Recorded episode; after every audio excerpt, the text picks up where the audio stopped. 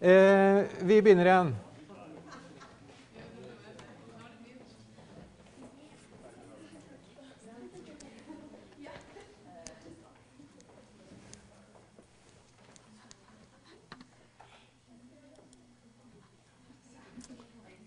Da starter vi den igjen. Eh, Dagens første fremmedord var altså mitzvah, og da burde jeg tenkt på at det var ikke så fremmed som jeg tenkte. Eh, Dagens andre fremmedord er halacha, som kommer av verbet å gå. Så det betyr gåing, omtrent. Veiledning. Eh, det Jeg har ikke diskutert det ordentlig med folk som har skikkelig peiling på, på islam, men sånn jeg forstår det, så er eh, halacha i jødedommen og sharia i eh, islam relativt, eh, relativt lignende, lignende, fenomener. Altså det er eh, hele pakkeløsningen da med, eh, med 613 eh, mitzvot. Når religiøse jøder forsøker å leve opp til loven, gjør de det fordi Gud har befalt det, men også fordi de finner det innlysende riktig. Her hører, dette er ekko av Ervin Conny tidligere i dag. ikke sant? Dette er for så vidt ekko av, av diskusjonen vår i stad. Et av disse rareste Denne viste jeg fram i høst. Et av disse rareste mitzvot, nemlig budet om at du skal ha dusker i hjørnet på på kappen. Eh, når vi da tar og legger sammen bokstavverdiene i det hebraiske ordet sitt sitt, plusser på antall tråder i denne dusken og antall knuter, så blir altså det å, å eh, det Hæ? Det å bære et sånt bønnesjal blir da en påminnelse om og hver gang du ser på dem, skal du komme Herrens bud i hus, og du lever etter dem. Altså det å bære et bønnesjal blir en påminnelse om, eh, om etikk.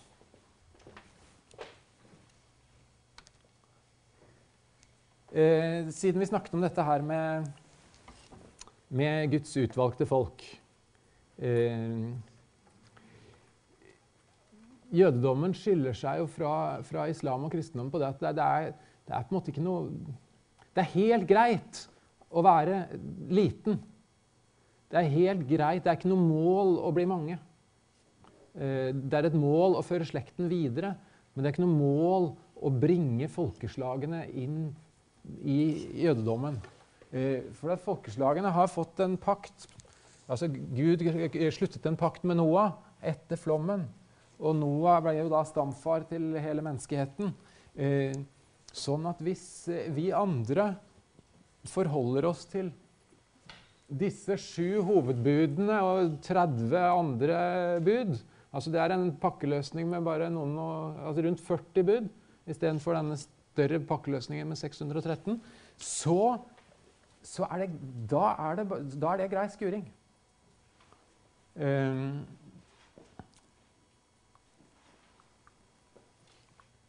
Så dette vil være, uh, dette vil være da uh, jødedommens uh, utkast til en universell fellesetikk. Eh, men ikke bare det. Eh, for så vidt også et felles religiøst eh, utgangspunkt, nemlig monoteisme. og Derfor så kan jødedommen se på islam og kristendom som redskap, som veier Gud har brukt for å bringe troen på én Gud, bringe monoteismen, ut over jorden.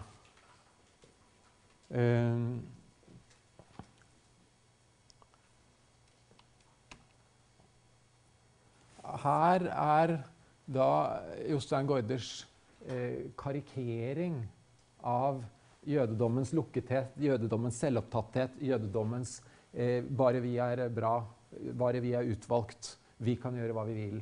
Eh, jeg tror ikke vi skal bruke tid på å gå gjennom det. Dere kan, kan titte på det. Og Så kan dere søke opp teksten. Og så er det viktig for meg å si at det var altså en tekst som uh, Gaarder etter en del år eh, beklaget. Um,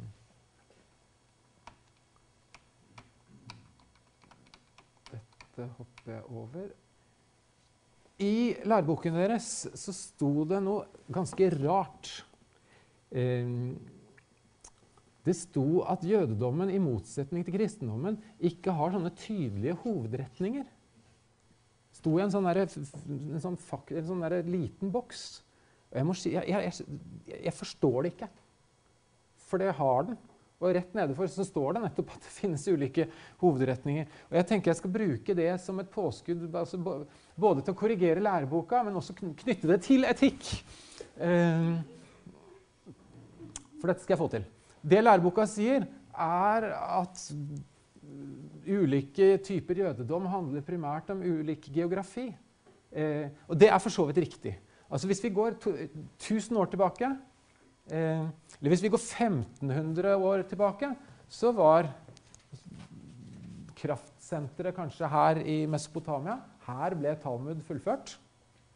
Men hvis vi går 1000 år tilbake, altså i middelalderen, så var det to jødiske kraftsentre. Og det var i Spania, i det muslimske Spania. Og det var i, ikke her, men mer her, altså i, i grenseområdet Frankrike-Tyskland. Her lever de store middelalder... Både bibeltolkere og talmudtolkere og filosofer. Eh, sånn på 1100-1200-tallet. Eh, samtidig med at muslimsk filosofi blomstrer i Spania.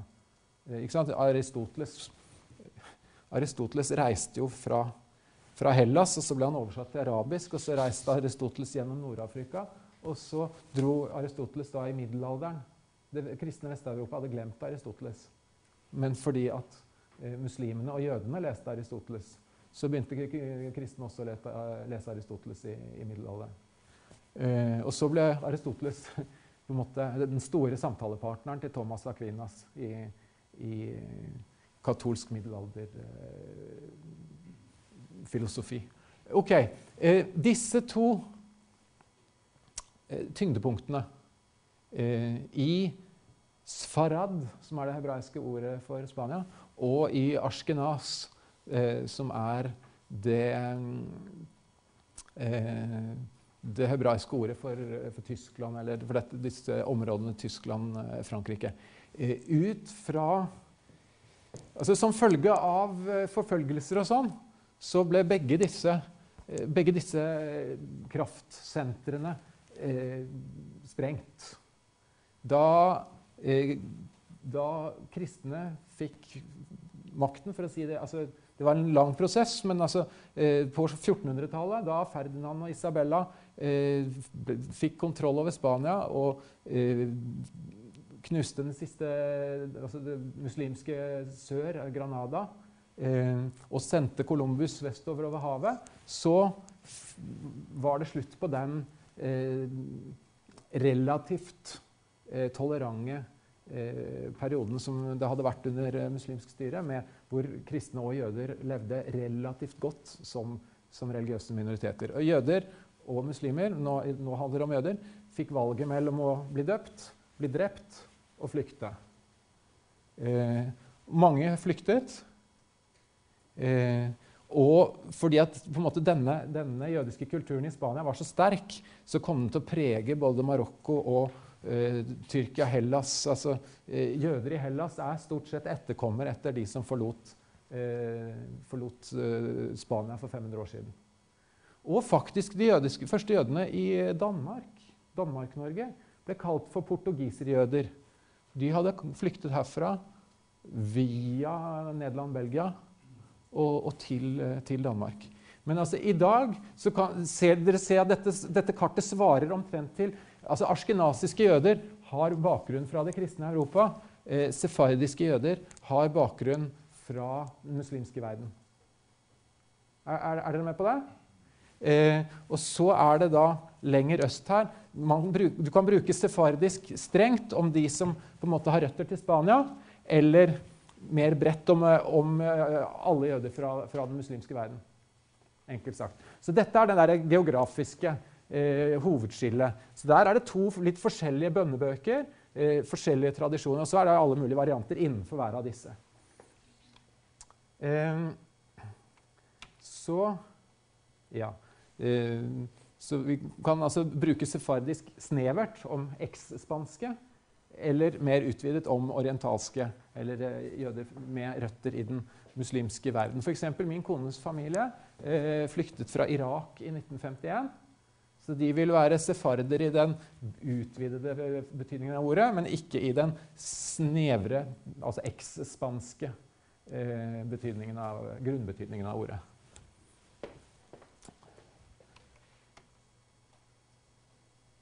Opplysningstiden.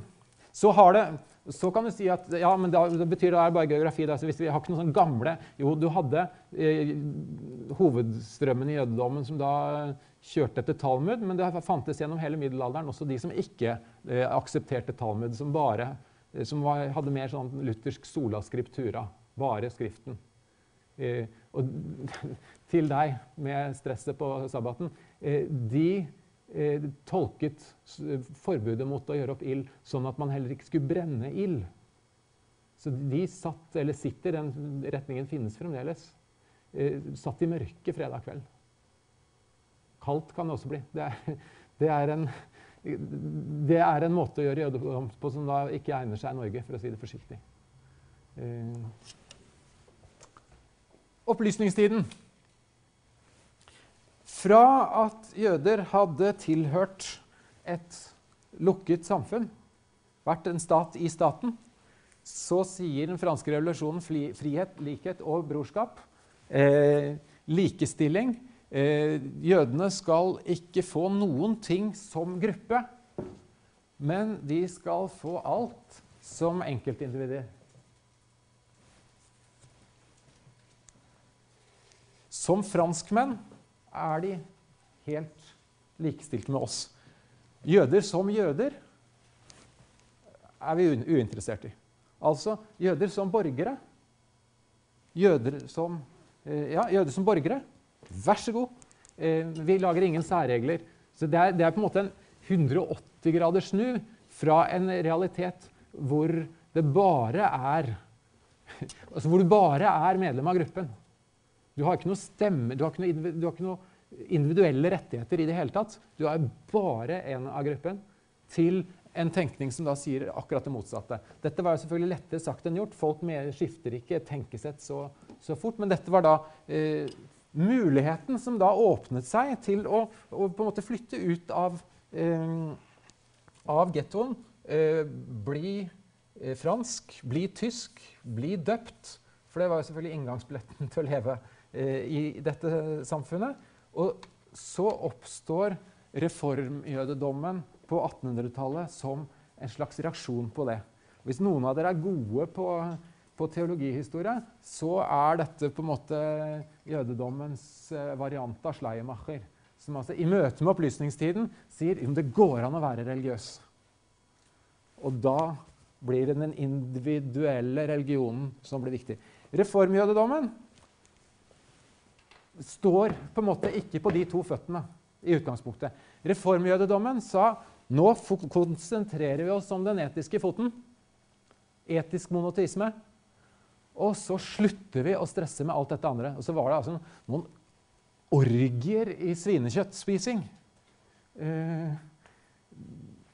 og så, så eh, reformjødedommen sa i utgangspunktet satte på en måte en strek over den eh, rabbinske tradisjonen. Den har på en måte ikke eh, den har ikke eh, avgjørende autoritet. Den bestemmer ikke hvordan jeg skal leve livet i dag.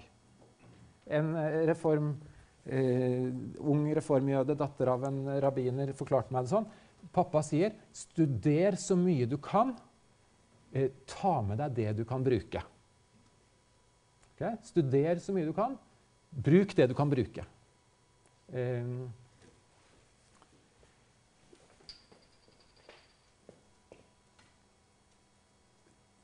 gudstjenesten ble lagt om etter for så vidt, altså Denne reformjødedommen var inspirert av altså kristenreformasjonen. Så her var det Bibel på folkespråket, gudstjeneste på folkespråket, som Luther sa.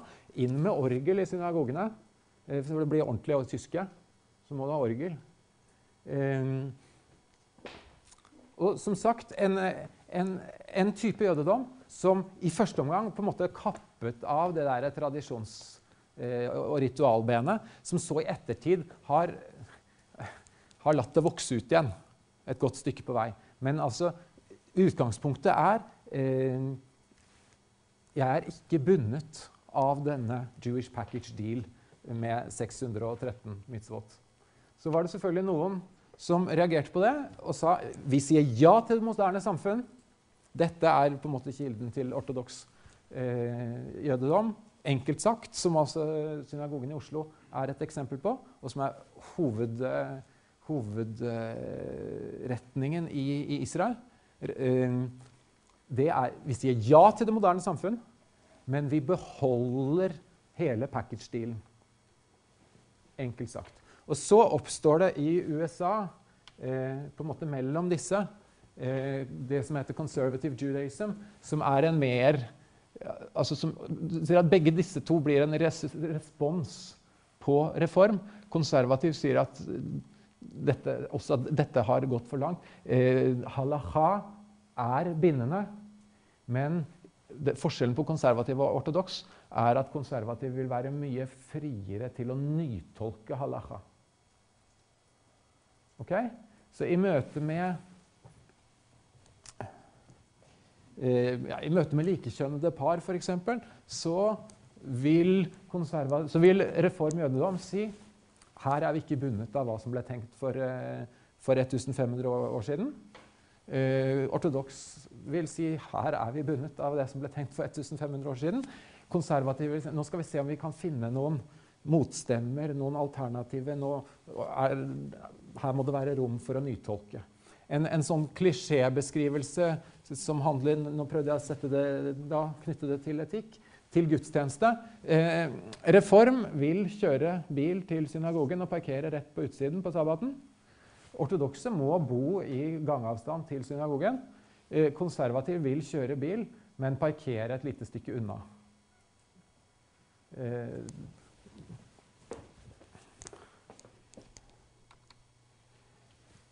Ultraortodoks eh, er enkelt sagt den type jødedommen som sier ikke, Ortodoks sier ja til både det moderne samfunn og til halakha. Ultraortodoks vil på en måte være nei-et til det moderne samfunn. Det vil være på en måte den selvpålagte, fortsatte gettotilværelsen. Eh, så er selvfølgelig det å si nei til det moderne samfunn helt umulig. Men, man, de, men der har man tradisjonelt sagt nei til TV. Men så har man sett at datamaskiner kan jo brukes til mye nyttig læring. Og hvordan kan vi leve i dag uten mobiltelefoner? Så det, det, er, en annen, det er, en helt egen historie. altså Hvordan ultraortodoks sier nei til eh, moderniteten samtidig som man selvfølgelig er en del av den. Eh, det var en hånd her.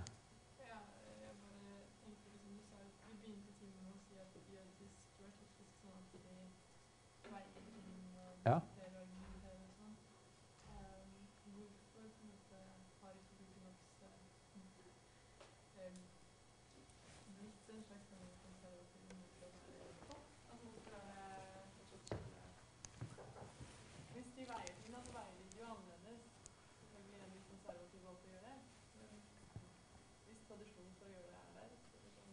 Altså eh, Ortodoks jødedom forandrer seg det er sånn, Ultraortodoks jødedom forandrer seg hele tiden. Selv om den ikke vil. Eh, ok? Eh, ortodoks jødedom forandrer seg. Eh, reformjødedom forandrer seg. Reformjødedom er som sagt blitt mer tradisjonell. Den er mye mer tradisjonell i dag enn den var for 100 eh, år siden. Eh, så der har de på en måte Men men altså, grunnpremisset her er, som er felles for disse, er at halaha gjelder. Men her er grunnpremisset er at halaha kan nytolkes radikalt. Mens eh, ortodoks jødedom vil si nei, vi, vi, vi, må inn i diskusjonen om eh, vi, må måte, vi må spille rabbinernes spill fra 1500 år tilbake. Det er vanskelig for meg å svare på det knyttet til etikk, men jeg kan ta det eh, knyttet til, eh, til, til, kjønn.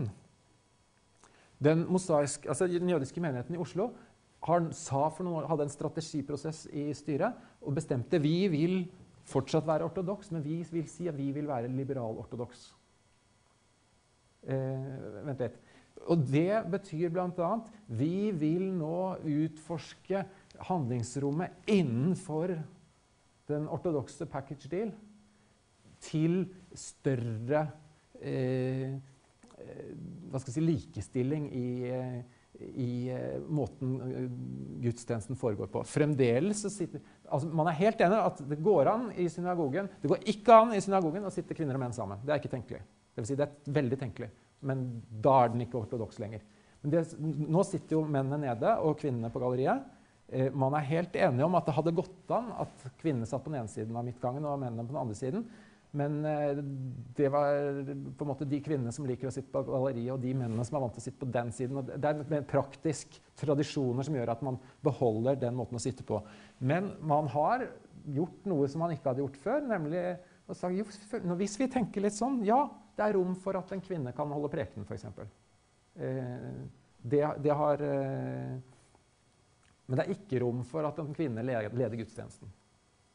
Eh, så, så, der vil da eh, en ortodoks synagoge eh, ha et handlingsrom, men ha et mindre handlingsrom enn en konservativ. Ja?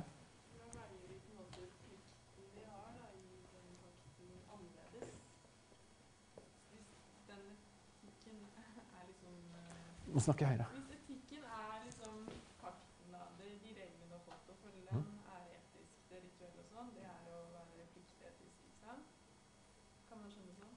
Ja, Men samtidig så vil Ervin Kohn si at dette er også fornuftig. Det er også nyttig. Ja, ja, det, er... også sunt. Ja, det da? blir det også en nyttig etikk. Ja. Eh, og da veier jo konsekvensetisk kanskje, eller livsetikk Jeg vet ikke hvordan etikk vil si at det er de bruker for å finne ut av. Nei, altså Når de finner ut, eh, når de f.eks. kom fram til at, eh, at en kvinne kan holde preken, er det det du spør om? Så, ja, så, så handler det om å, å, finne ut hva er gammel vane, og hva, hvilket mulighetsrom åpner eh, eh, hvilke, altså, Hvor mye kan vi hvor, Vi vil ikke gå over grensene. Vi vil ikke tegne nye grenser, men vi vil pushe grensene. Det er på en måte den motsatte bevegelsen av den der vi vil bygge et gjerde rundt budet og si at vi, nå lar vi sabbaten begynne 20 minutter før solnedgang. Du har den akkurat motsatte også, som vi nå vil vi pushe. Sabbatsheisen, er dere enige? Det er å pushe budet. Er, er dere med på det? Sabbatsheisen er på en måte å pushe Altså tøye budet. Men, altså, men, da er det nettopp snakk om å tøye, mens eh, i den konservative synagogen så ville man kanskje bare trykket på knappene.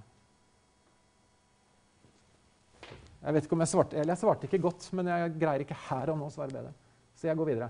Jeg prøvde å finne en sånn morsom eh, karikatur av forskjellen på disse her. Eh, da var dette det beste jeg fant da jeg googlet det. Eh, hvor han er reform og har blitt så liksom, vanlig at han kan kle seg som julenisse. Han som her er orthodox, dette er amerikansk, han er jo helt klart ultraortodoks. Så jeg syns ikke egentlig den var så veldig bra. Jeg syns den er bedre den jeg sa med å kjøre bil til synagogen. Den syns jeg egentlig forklarer mer. Eh, her er situasjonen i USA, hvor du ser at reform er den klart største. Og konservativ og reform, altså de liberale grenene, er, er eh, tre fjerdedeler. Og, og ortodoks er relativt liten. Eh, for å si hvor sammensatt dette her er, så tok jeg med denne. Ikke for at dere skal lese og prøve å skjønne og se hvor pilene er. Men alt dette her er mye mer sammensatt enn det jeg kan si. når jeg... For meg var denne kjempeinteressant. Her fikk jeg satt på, eh, på skjema ting som jeg har lurt på, som jeg ikke helt har skjønt. Eh, sant? Eh, reform oppsto i Tyskland, og her er den eh, ortodokse responsen i Tyskland. Eh, og så ser dere at den går ned til amerikansk modern orthodoxy. Men for meg var det da veldig nyttig å se hvilke andre ting som også gikk inn der. Så dette var nyttig for meg. For dere er det med bare for å vise at bildet er utrolig mye mer sammensatt enn de tre fire. Og dere ser at De fire hovedvariantene som jeg viste dere, det er litt annerledes enn Her er dette forenklet til tre. Og så er det jeg vil kalle ultraortodoks, her presentert som orthodox. Ja. I don't get you, Shabbat. Den sabbatsroboten. You keep kosher and go to shul, altså til eh, synagogen. But you smoke on Shabbos and have sex with shiksas. Is there even a stream of Judaism that covers all that? Non-observadox. Nei, det var kanskje ikke så morsomt. Eh, En sånn amerikansk jødisk humor. Eh, Jeg avslutter her. Dette er en israelsk tegneserie Nei, hva er jeg sier? Sånn barne-TV-helt. Altså sånn som Asgeir var i Norge for en del år siden. Margrethe. Eh, og her er det altså lenke til en YouTube-sang hvor han tolker nestekjærlighetsbudet. I en sang, da. Og han sier ja, det handler om å være gode. Det er hans enkle Men altså, det, dette er et eksempel på hvordan, eh, hvordan religiøse tekster, eller hvordan bibeltekster, lever i populærkulturen mye tydeligere. Og i diskusjonen i samfunnet mye tydeligere kanskje enn en i Norge. Du vil ikke få en sang om nestekjærlighetsbudet. Og Jesus sa, men kan man si liksom, I barne-TV. Er, er dere med på det i Norge? Eh, mens der synger eh, Joval Hamebulbal, altså jo, eh, Joval den forvirrede, om hva nestekjærlighetsbudet er. Og da, da jeg var i Israel nå i vinterferien og skulle kjøpe litt hummus Så i den der gatekjøkkenet hvor jeg kjøpte hummus, så sto over disken så sto det 'Du skal elske din neste som deg selv'. Jeg tok bilde av den. Jeg har ikke tatt den inn her ennå. Det, det er um, ja, det er noe som jeg lar, Hvis jeg hele tiden prøver å av og til trekke fram ting jeg lar meg fascinere av, så er det hvordan, eh, altså den, hvordan bibeltekstenes disk, liksom er, er levende, er i spill i den samfunnsmessige diskursen. Eh, hvor altså en, ja, Som dette er et eksempel på. Dette ble klønete formulert. Ja, du hadde et spørsmål.